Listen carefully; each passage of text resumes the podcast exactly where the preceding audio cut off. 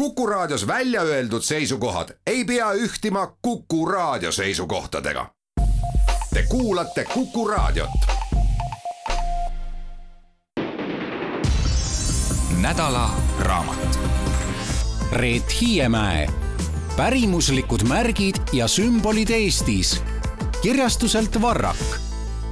head Kuku kuulajad, Kuku selle nädala raamatuks oleme valinud äh, pärimuslikud märgid ja sümbolid Eestis, autoriks Reet Hiiemäe, Marraku kirjastuselt sel aastal välja tulnud ja Reet on ka meil stuudios külas ja sel nädalal siis räägimegi temaga tema raamatust, märkidest ja muudest asjadest, selle tähendusest ja kõigest muust. mina olen saatejuht Marek Strandberg ja tere, Reet! tere, tere! vaatasin seda, äh, seda äh, jaotust ja alati on ju, alati on ju see asi, et äh, hakkad vaatama, et noh, siin on neid asju alates aevastamisest ja lõpetades ürgelementidega loomulikult jääb sinna vahele ka K-täht ja küsingi, et siin ei ole kassi. mis see põhjus on, et selles raamatus ei ole kassi? kas kass on meie jaoks selline täiesti, ütleme, eestlaste jaoks selline tundmatu loom või? või temaga ei ole üldse seotud midagi? kass on teatavasti selline pimeduse loom, kes kipub ennast ära peitma ehk siis kui natuke sügavamalt raamatusse süüvida, siis leiab selle kassi väga põhjalikul kujul sealt ülesse. nüüd, eh, kui me räägimegi kõikvõimalikest, lugesin selle ka läbi, nagu eraldi kassi välja toodud ei ole, ja üks hästi huvitav nii-öelda tähelepanek on see, et tegelikult ju tänase päevani väga paljud sellised eh, kõnekäänud või, eh, või ütlemised või tõekspidamised tuginevadki hästi ürgsetel ja iidsetel sellistel, noh, ma ei oskagi öelda, pigem müütidel kui teadmistel ja tähelepanekutel, kas sellised asjad mõjutavad tänase päevani inimese käitumist ja otsustamist? no see on ka üks põhjus, miks see raamat sai üldse ette võetud et ma näen neid sümboleid väga aktiivselt töös ka tänases päevas ja ka sellistes valdkondades, kus võib-olla ei eeldaks üldse mingisugust sümbolitest mõjustatud olemist nagu poliitikas ja meditsiinis ja, ja jah, teaduses. Isegi teaduses? nüüd poliitikas ma just mõtlen, et äh, kas nad on lihtsalt kõnekäändudena või no oled sa tähele pannud ka seda, kuidas üks või teine niisugune muistne ütlus või tõekspidamine või seletus noh, reaalselt ka praktikasse pööratakse? no kust algab praktika? minu meelest see praktika seadus võetakse vastu, poliitikas on lihtne, seadus võetakse vastu, et oled sa märganud, et mingid seadused tuginevad mõnedel sellistel noh, nii-öelda iidsetel tähelepanekutel no vähemalt sellises täpses sõnastuses seadust mul ei ole silma hakanud, näiteks et silm silma vastu, hammas hamba vastu või just, midagi just. sellist. aga neid laiemas mõttes, neid printsiipe, et kasvõi noh, selline sümbolite ja vihakõne eh, teemaline seadus või eelnõu et seal on ka minu meelest väga sügavalt esil sellised sümbolprintsiibid nagu kese ja polaarsused või vastandid, et väga sageli need maailma jagamised toimuvad ikkagi vastandite põhjal, et ei otsita seda, mis on sarnasus, vaid pigem see, et mis on vastandid. ehk et isegi kui sa võtad tänase päeva kõikide nende sümbolite noh, nii-öelda õigusliku vastutuse seadmine nende kasutamisele, mis on täna üks aktu-, aktuaalsemaid teemasid selle seaduse vastuvõtmine, et põhimõtteliselt võiks nii mõnigi selline äh, tähelepanek või tõekspidamine muistsest ajaloost olla ka ebaõnnestunud asjade käigu puhul täpselt see, millega noh, üks või teine põhimõte nii-öelda karistatavaks muudetakse. Võiks küll ja, ja samuti leian, et tuleks iga sümboli puhul uurida seda väga mitmekihilist tausta, sest kui vaadata sedasama siinset raamatut, et siin ei ole peaaegu ühtegi sümbolit, mis eksisteeriks täiesti lahus oleval äh,, lahus olevalt ajaloost või siis lahus olevalt teistest sümbolitest. Ja see, et kuidas need on põimunud ja muutunud ajastute jooksul, et ei saa nagu võtta ainult selles ühes kitsas kontekstis. Ja et kui me vaatame siin näiteks selliseid märksõnu, nagu siin tuleb eh, lahti seletamisele viisnurk ja haakrist ja mitmed sellised väga ka poliitiliselt laetud sümbolid, et ei saa piirduda ainult selle ühe poliitilise kõige akuutsema tähendusega, vaid vaadata ikkagi laiemas kontekstis või siis kuidas praegu on kuidagi ühiskonnas väga esile tulnud selline muidu nagu süütu tähe Z tähendus. no minu lapsepõlves oli see mm, filmi kangelase Zorro tekitatud märk mõõgaga kellegi keha või ukse peal, mida ta oma kangelasteo tegemiseks nagu märkis, tänasel päeval on see hoopis muu tähendusega. no kui mina mõtlen nagu oma mätta otsast, siis no, olles puutunud kokku igasuguste vanade regi, rehihoonetega, siis seal on aidauksed tihtilugu sellised, üks põõn on niimoodi üleval, teine on all ja üks on niimoodi kaldus keskel, et ta on väga Z-tähekujuline ja siin oli isegi üks meem, mis liikus ju ringi, kus Z-täht ja välikemmergu sisemine ukse põõnastamine olid täpselt samasugused ja neid võrdlusi on ju maa ja ilm, eks ole, mis nagu ette tuleb. ma mõtlen seda raamatut vaadeldes ennekõike selle peale, et tegelikult ju äh, jällegi, et kõik need noh, kuni unenägudeni välja, kuni ju selleni välja, et paljudel sümbolitel ja märkidel, millest siin raamatust juttu tuleb, päritolud on ju üsna antiiksed ja veel kaugemalegi tagasi minevad. no mõningatel ikka lausa kuhugi sinna ürgaega välja just. ma arvan ka..., et selle Z-tähegi puhul, kui vaadata näiteks ka tema sarnasust välgunoolega, et see aspekt läheb kindlasti kuhugi ürgaega välja, kus märgati, et see välgunool võib väga võimsaid tegusid korda saata. ma mõtlen nüüd teistpidi, et tõenäoliselt on need ka põhjusteks, miks just nimelt sellised võimsad sümbolid, ajalooliselt võimsad sümbolid, olgu need siis haakrist või viisnurk või ka seesama Z-täht, valitakse ühe või teise, no ütleme, üsna võika asja etteotsa no ma arvan, et see läbivaim, äh, selline nüanss on ikkagi seotud selle väega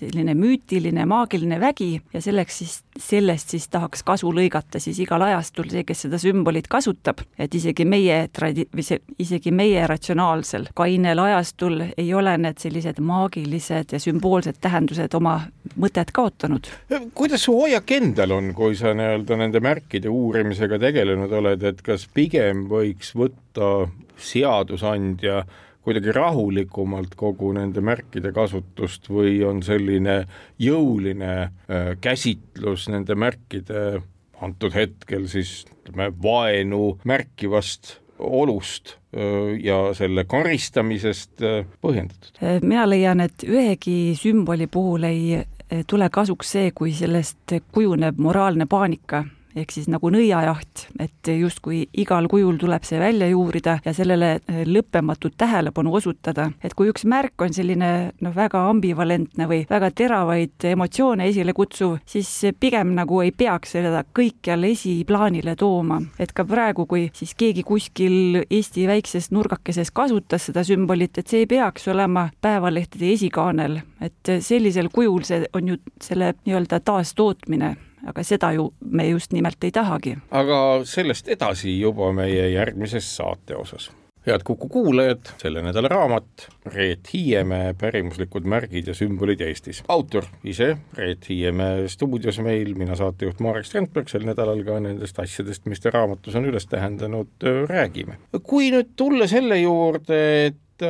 noh, raamat Tartu sünni enda juurde, et ma saan aru, et ega see ei ole ju ühe hooga kirjutatav, seal on ikkagi olnud pigem aastaid tööd kogu selle märginduse kokkukogumisel ja tähenduse kokkukogumisel. kui pikalt see aega võttis? no kui päris niimoodi äh, algusaegadesse minna, siis ma arvan, et esimene materjali kogumine algas umbes sellest ajast, kui ma rääkima õppisin ja märkasin, et millist milliseid sõnu inimesed kasutavad või millele nad kuidagi tähelepanu pööravad või hiljem juba, et millised vanasõnad on inimestel kasutusel et see ei ole kindlasti selline asi, mida kirjutad kahe kuuga valmis, vaid et see on ikkagi väga pikkadel tähelepanekutel põhinev. ühesõnaga, tegelikult on see loomult, ma ei ütle nüüd see elutöö, aga elu vältel kogetud Liidu kirjapanek nüüd sel hetkel? elu vältel ja elu enese põhjal ja, ja selleks, et tal oleks siis selline otsene fookus selle meie laiema äh, materjaliga, et siis on otsitud siis läbi ka need äh, kõik pärimustekstid, mida meie rikkalikud arhiivid sisaldavad, just nende märksõnade peale mõeldes kui ma vaatan äh, kirjanduse loetelu, siis sealt ulatuvad ju allikad kaugele meie enda arhiividest ja muudessegi riikidesse, maadesse ja ajastutesse kas üldse on olemas mingit nii-öelda ühe või teise rahva spetsiifilist märgisüsteemi või nad kõik on ikkagi tänu kaubandusele, tänu suhtlemisele, tänu mm, kunstile, millele iganes, oma olemuselt niivõrd läbi põimunud, et me ei saa rääkida mingist Eesti märgisüsteemist ja sümbolitest, vaid need on ikkagi sellised globaalsed segusalatid. minu arvates siin on nagu kaks väga huvitavat vastandlikku märksõna, et on nii unikaalsus kui ka universaalsus, et äh, potentsiaali saada üldse selliseks läbivalt aastasadu kestvaks sümboliks annab ikkagi mingisugune universaalne selline tähendus äh, mõte või taust ja samas, kui see panna siis just sellesse ühte kultuuri konteksti, nagu siis meie puhul Eestis, et see kohalik meelsus või mentaliteet annab talle ikkagi sellise unikaalse oma varjundi, et nii mõnegi puhul on just siin meie Eesti pärimuses need omad jutud või sümbolitega ümberkäimise viisid, mida mujal ei ole sellisel moel Näiteks. võimalik näha no üks selline hästi huvitav, äh, hästi laia tähenduspaletiga niisugune jah, sümbol on madu et kui vaadata eh, siis, mida kroonikud on rääkinud Eesti kohta, ehk siis need justkui sõltumatud vaatlejad, kes tihtilugu polnud sugugi väga sõltumatud, et juba enam-vähem kuskilt sealt üheteistkümnendast sajandist peale Bremeni, eh, Adam ja veel mitmed järgmised muudkui väidavad, kuidas eestlased kummardasid need madusid või tõid neile lausa inimohvreid, et need olid kõige tähtsamad maduussidele. Või siis hiljem vaadata juba need üheksateistkümnenda, kahekümnenda sajandi alguse pärimustekstid, ikka jälle needsamad maod, ussisõnade tundjad, kuni siis tänapäevani välja, kus siis nüüd juba uued tänapäeva autorid kirjutavad ka ussisõnadest, juba siis natuke sellises ilukirjanduslikus kastmes. et mis need maod siin meie pärimuses siis kogu aeg teevad, et näevad neid nii muulastest, meie elu kirjeldajad kui ka meie enda pärimustekstid, et vot see on see huvitav teema. Ja võib-olla see ongi põhjus, miks ei ole kassi nii ilmutatud kujul, et tegemist on ju mõnes mõttes mina mäletan, et minu vanatädi, temal oli näiteks kodunastik, kes püüdis hiiri kindlasti väga praktiline just, põhjus. just, et nagu, et, et kõikidel märkidel on võib-olla ka täiesti väga praktilised põhjused, eriti nagu loomamütoloogiaga seotult. ja, ja ka laiemalt, et eh, ega siis Eesti siis muistne talurahvas ei olnud mingi abstraktsuses hõljuja, et seal väga olulisel määral oli nii sellised noh, lihtsalt huvitavad kujundid, kui siis ka ilutaju või esteetikataju, kui ka täiesti igapäevaste praktiliste probleemide lahendamine nende sümbolite populaarsuse taustaks. mis su enda jaoks, kui sa selle raamatu nii-öelda lõpuks terviklikult kokku panid, kõige omapärasem järelduste või seoste ahel oli, mis siit välja tuli? See on juba päris hea küsimus, sest mult on päris mitu korda küsitud, et mis oli sinu lemmiksümbol või mis on eestlaste kõige populaarsem sümbol. Ja selle peale ma olen pigem vastanud, et kõige esiletungivam selles Eesti pärimuses on see, et siin ei olegi sellist kõige-kõiget, et ei ole sellist hierarhilist kohtade süsteemi, vaid et on suur-suur läbipõimumine, aga et sina juba tajusid selle ära ja ütlesid, et selline sümbolite süsteem või nagu ahel. Ja ma selle peale pean vastama, et iseendast ükskõik kust otsast pihta hakkad, et kas hakkad sellest samast maost või hoopis kuskilt teisest otsast, et see ongi üks suur põimumine, et ei ole sellist eraldiseisvat ühte sümbolit. Ja et kui tõesti, kui sellest samast maost edasi vaadata, et mis, mis siis sealt veel hargneb, et kas või see mao looklemise siis seos näiteks ka lainekujuga noh, laine, kui me jõuame kas või tänapäeva teadusesse välja, et kui palju on lainekujulisi liikumisi, mida on siis praktiliselt kogu ja, maailm, ega siin midagi muud ei ole kui väljad, mis võnguvad. ja muidugi siis ka julgemad järeldajad on leidnud selle mao sümboolika puhul, et eh, tõenäoliselt seal taga ongi see, et need muistsed nõiad, kes siis tuut-, suutsid näha oma sellistes erilistes teisenenud meeleseisundites igasuguseid selliseid peentasandi asjakesi, et nemad nägid neid DNA kaksikheelikseid ja võnke oh jaa, see laine. on hästi ammune niisugune seoste loomine tõepoolest. no aga kas peaks siis ütlema, et olemegi kõik sellega ära seletanud? Jah, lihtsalt küsimus on nagu teaduse mõttes selles, et et ähm, ühte asi seletada, teine asi nagu ennustada, et mis saama hakkab, aga ja ei, ma ütlengi, et mina lugedes ka kõikidest nendest märkidest ja asjadest ja nagu sa ütlesid, et püüdes ka leida teatud hierarhiat või süsteemi, märkasingi seda, et iseenesest sa võtad ühe otsa, teise otsa, loed nii ja naapidi, mille poolest see raamat on väga hea, et siin ei ole etteantud struktuuri. Ja siis, kui sa loed ja vaatad neid asju, siis ongi nagu see, mida peetakse tänasel päeval kõige mõistlikumaks viisiks maailma kirjeldada, et ka meie märgisüsteemid on noh, nii-öelda täpselt läbi põimunud, et ei ole hierarhiat, et ei ole peamist märki ja alluvaid märke, vaid kõik on kõigega seotud, mis on küll väga ülim selline filosoofiline väide, aga tõepoolest nii see on kus, kusjuures kõige huvitavam on see, et ega, ega nüüd asjaolu, et mõni seletus näiteks meelest läheb või ebaselgeks jääb, ei vähenda selle muu nii-öelda lugude struktuuri väärtust karvavõrdki. ja kindlasti, aga et e, siin selle kõik on kõigega seotuse puhul minu arvates on ka oluline see, et, et see kurat ja jumal ja hea ja paha ja pimedus ja valgus e, on samuti üksteisega seotud. ja et sellepärast ei saagi tuua välja seda ühte sümbolit, mille ümber luua moraalne paanika ja kus justkui hakata mingisugust keelamismehhanismi korraldama, vaid vaatama, mida ta siis kogu selle terviku kõikide oma haarmetega tähendab. kas see võiks olla ka selline meeleparanduse koht, kus öeldagi, et kuulge, et jätke nüüd need üksikud sümbolid ja vaadake seda asja tervikuna kui sellist märgisüsteemi ja kui tõusta oluliselt kõrgemale, noh, sellisele kultuurilisele või mütoloogilisele tasemele, siis ka õiguslikus mõttes kõik need nii-öelda nina alla hõõrutavad märgid ja selle nina alla hõõrumise olemus muutub nagu tühisemaks. no kahtlemata on ka puht jah, personaalselt inimesele eluterve tõusta igasugustest konfliktidest kõuge, kaugemale või kõrgemale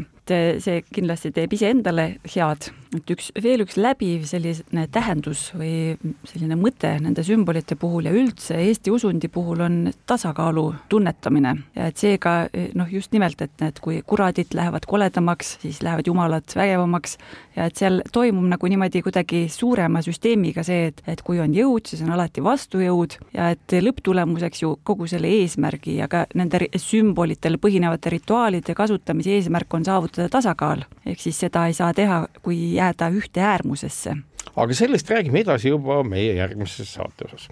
head Kuku kuulajad, nädalaraamat Reet Hiiemäe pärimuslikud märgid ja sümbolid Eestis. mina saatejuht Marek Strandberg, Reet Hiiemäe on meil stuudios ja seletab lahti neid tähelepanekuid, mida ta raamatu koostamisel on teinud. nüüd need ähm, valdavalt Eesti märgid on ju kuna kirjasõna ei ole meil olnud väga pikka aega, siis valdavalt need märgid on ikkagi ju eksisteerinud kõikvõimalikes ehetes, tarbekunstis või tarbeesemetes ja mujal sellistes kohtades, ehitiste küljes ja nii edasi, nii edasi. kas selline viis märke üles tähendada on unikaalne või pigem ikkagi valdavalt levinud maailmas? Ma ikka siit tahaks täiendada, et ta ei ole nii ainult materiaalsel kujul väljenduv, et kogu see suuline pärimus on ka väga tulvil neid märke, sümboleid või kas või no kujutada ette ühte nõiarituaali või ravirituaali, et siis ka selline märk, mis ei jäta justkui kuhugi jälge, et õhus tehtud sellise žestina mingisugune nõiamärk või liigutus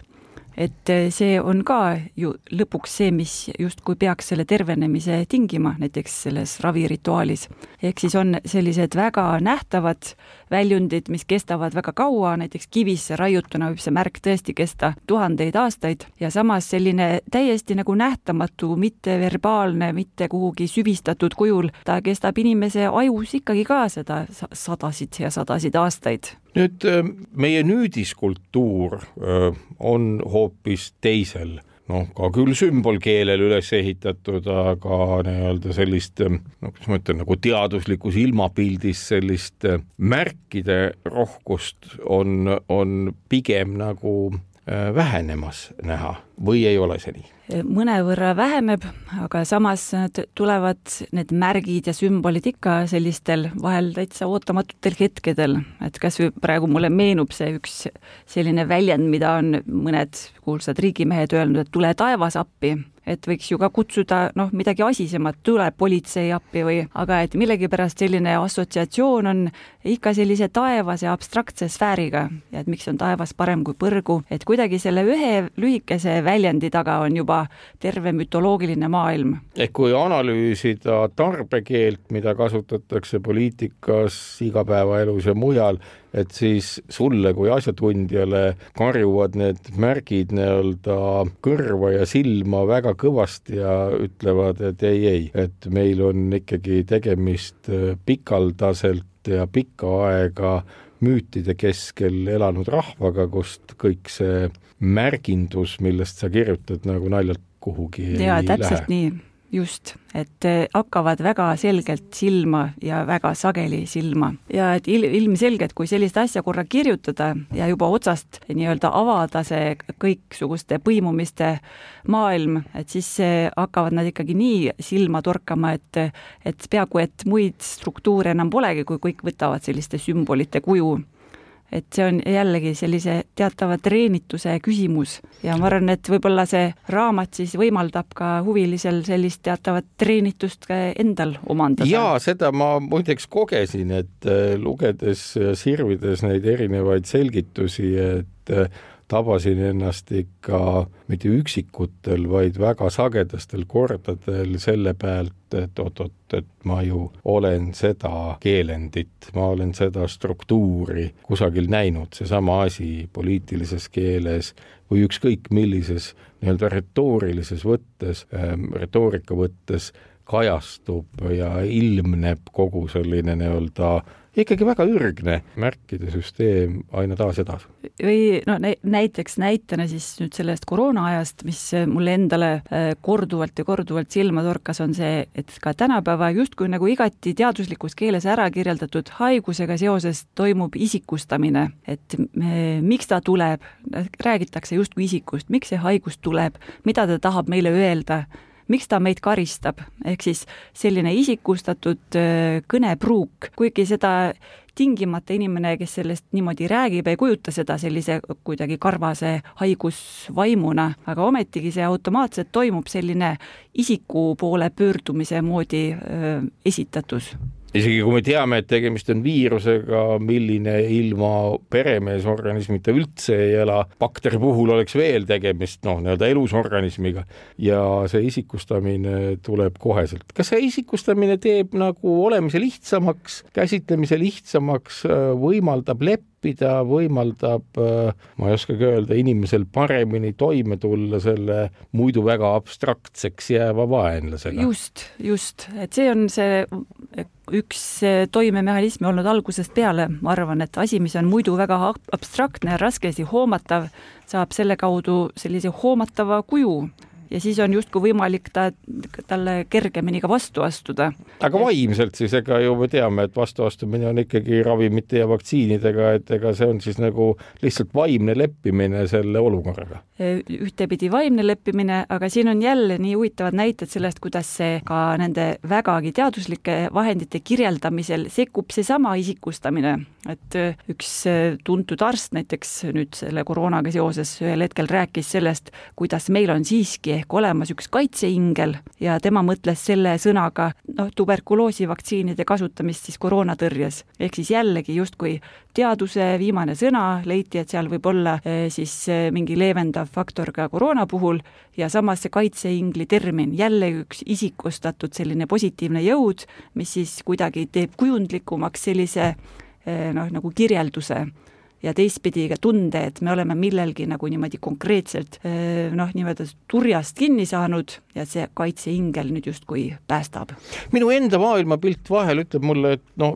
võiks püüda olla vähemalt selline väga ratsionaalne ja sellest tuletada kõikvõimalikke ratsionaalselt tulevikulahendusi ja, ja samas, kui ma näiteks sedasama sinugi raamatut loen ja lugesin, siis sealt tuleb välja jälle see, et oi-oi, et tegelikult meie kultuuri juured, sümbolistlikud juured on väga sügaval ajas väga kaugel ja nende noh, niisugusel ratsionaalsel läbiraiumisel ei pruugi üldse olla häid tagajärgi. olen täiesti nõus, et mingisugune otsene raiumine niimoodi just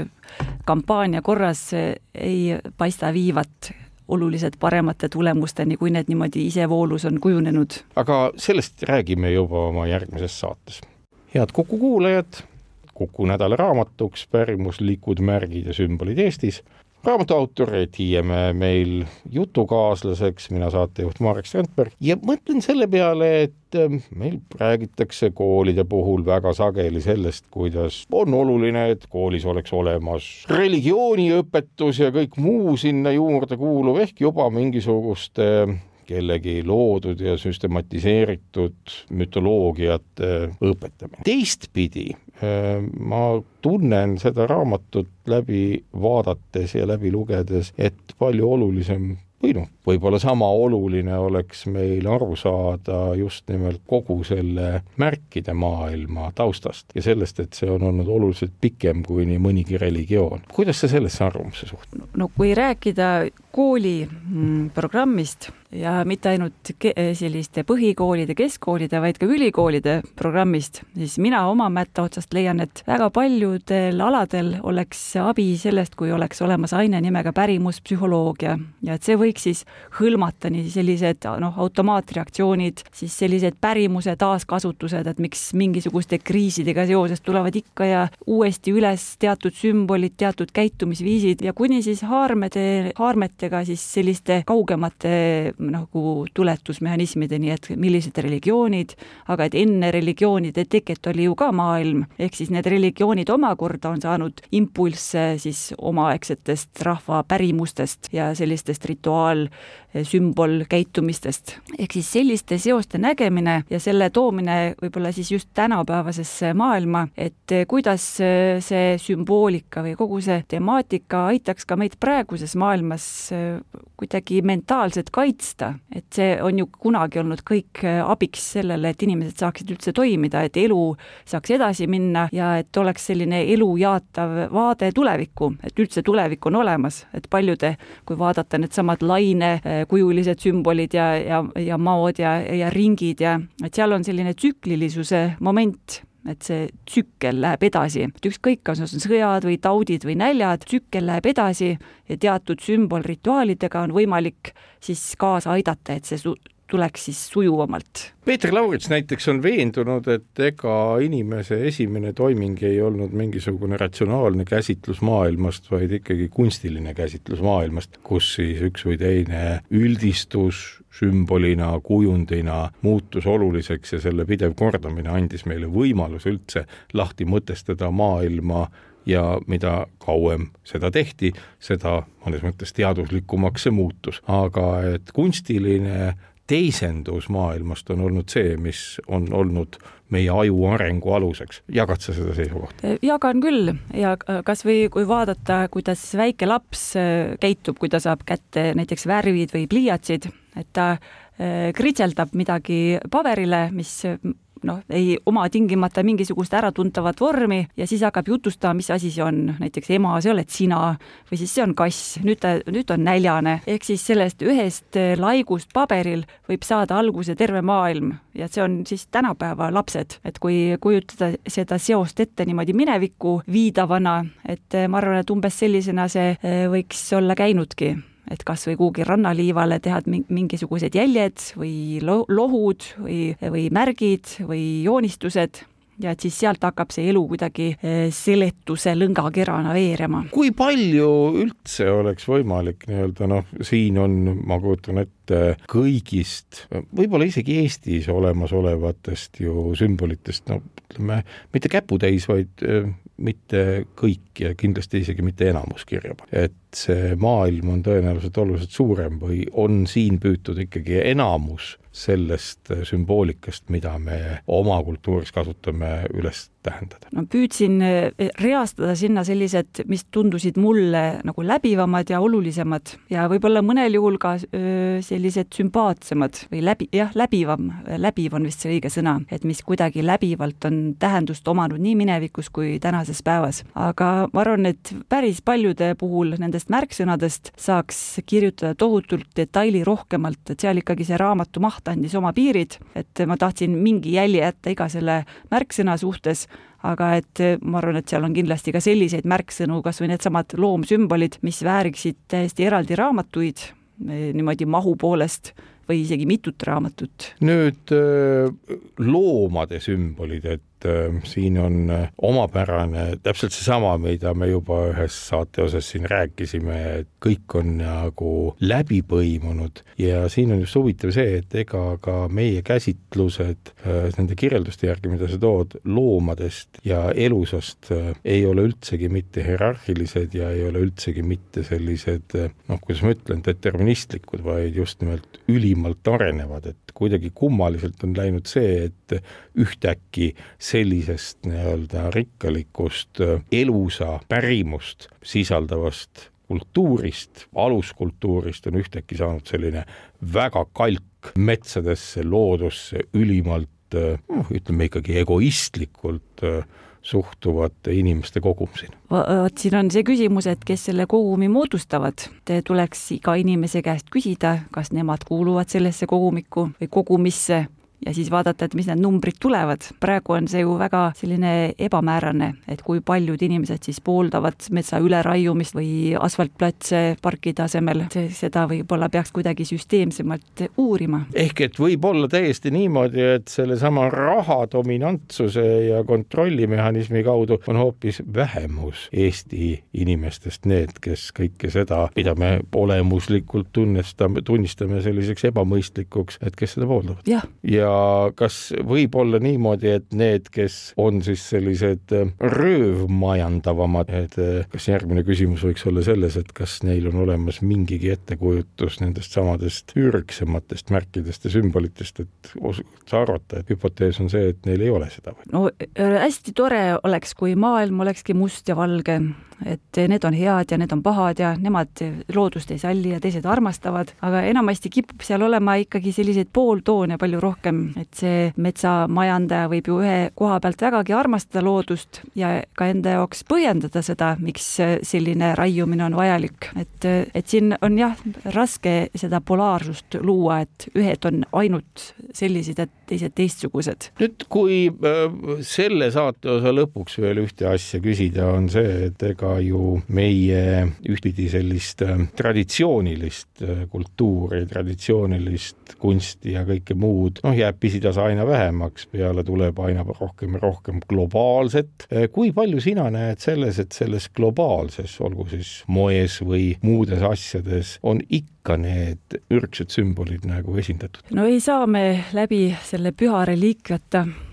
ütles juba ammu-ammu ühes kuulsas filmis üks härra. Ja seega ma näen nagu kuidagi seda ka teatava lainetusena, et kui üheksakümnendatel oli noh, meie palevuseks oli ka kiirelt rikkaks saada ja pigem nagu materiaalne maailm, siis kahe tuhandendatel aastatel hakkasid järjest rohkem tulema konsultatsioonid inimestele, kes huvitusid just sellest meie enda pärimuse sügavamast sisust. Ja et ka sellised väga nagu moetrendidena tulevad õpetused, mis noh, vahel on sellised et mingid kuulsad gurud või vaimsed õpetajad, need ka kuidagi kipuvad vahelduma sellega, et ikkagi jõuame jälle selle oma pärimusjuurika juurde, et mina nagu seda päris ei näe tulevikus, lähitulevikus vähemalt, et see Eesti pärimus kuidagi niimoodi täiesti haihtub sellise mingite globaalsete trendide äh, valguses, et see on pigem nagu selline vahelduv. aga sellest edasi räägime juba oma järgmises saate osas. head Kuku kuulajad, Kuku nädalaraamat, pärmuslikud märgid ja sümbolid Eestis, autor Reet Hiiemäe meiega koos sel nädalal stuudios, mina saatejuht Marek Strandberg ja mõtlengi, et ega me ju näeme tegelikult perioodiliselt seda, kuidas meil on tõmme sellise omapärase traditsiooni suhtes, kas või hoopis teisest valdkonnast, olgu need laulu- ja tantsupeod või mis iganes muud asjad, et äh, see ergastab kuidagi siinset rahvast kummalisel moel, millest nagu paljud väljastpoolt vaatajad aru ei saa. kas suu meelest nende samade noh, ütleme siis traditsiooniliste laulu- ja tantsupidude ja veel paljude rahvaürituste võti ja vundament ja mootor ongi täpselt nendes samades ürgsetes sümbolites? no ki kindlasti ühena põhjustest on just see ja, ja siis sellega seostuvalt ka selline rituaali igatsus, et see, see on jälle sellise tsüklilise maailma tajumisega seoses, et äh, ajalooliselt või traditsiooniliselt on siis noh, näiteks kui talve pimedam, pimedaim aeg hakkab mööduma, valgus hakkab jälle saabuma, sellega seoses on ikka kuulunud asja juurde mingi rituaal, et siis seda üleminekut kergemaks teha. ja kõik need erinevad rituaalid, mis osalt on ka tänapäevas olemas, et noh, kas või inimese eluringi vaadates, et on see inimese sündi tähistatakse eriliste tegudega, süüakse mingeid erilisi toitusid või siis sünnipäevad või täisealiseks saamine, abiellumine, et seal on jätkuvalt see selline rituaali komponent olemas, kuigi ta tänapäeva maailmas kipub olema noh, tihtilugu palju asisem, aga et see selline rituaali igatsus, et justkui tunnetada rohkem, et ma olen nagu ka osa selles kõiksuse suures kulgemises, et see on minu arvates jäänud nagu alles. Ja seega ikka, ikka ja jälle inimesed otsivad seda viisi, et kuidas siis seda rituaalset mina kuidagi väljendada. Ja on olemas ka need tõesti asised rituaalid, mis pahatihti siis seisnevad ainult selles, et kõlistatakse šampuseklaasi ja käteldakse, et need ei rahulda alati seda sellist hingelisemat hinge, et kuigi aseainena kõlbavad ka need ja mõnikord ongi täiesti omal kohal ka sellisena. kas selle hüpoteetilise õppeaine, millest sa rääkisid, pärimuspsühholoogia õpetamisel oleks võimalik inimest rohkem sisse juhatada kõikidesse nendesse nüanssidesse ja variatsioonidesse, mida sellised traditsioonid endaga noh, inimese meeleolu ja heaolu kasvule kaasa võivad tuua? mina leian, et see oleks, just nimelt selleks olekski see vajalik et äh, avada seda, et miks inimesed üldse käituvad, nagu nad käituvad ja kuidas neid käitumisviise, kas või neid samuseid rituaalseid väljundeid valida nii, et ennast paremini tunda, sest kõige selle, selle rituaalse käitumise eesmärk on ju ikkagi olnud see, et ennast paremini tunda ja rasketest aegadest sujuvamalt läbi minna, et seda soovi täida, või see soov on jäänud meile ka ju tänapäeva maailmas, et ei tea, mida see homne toob, aga tahaks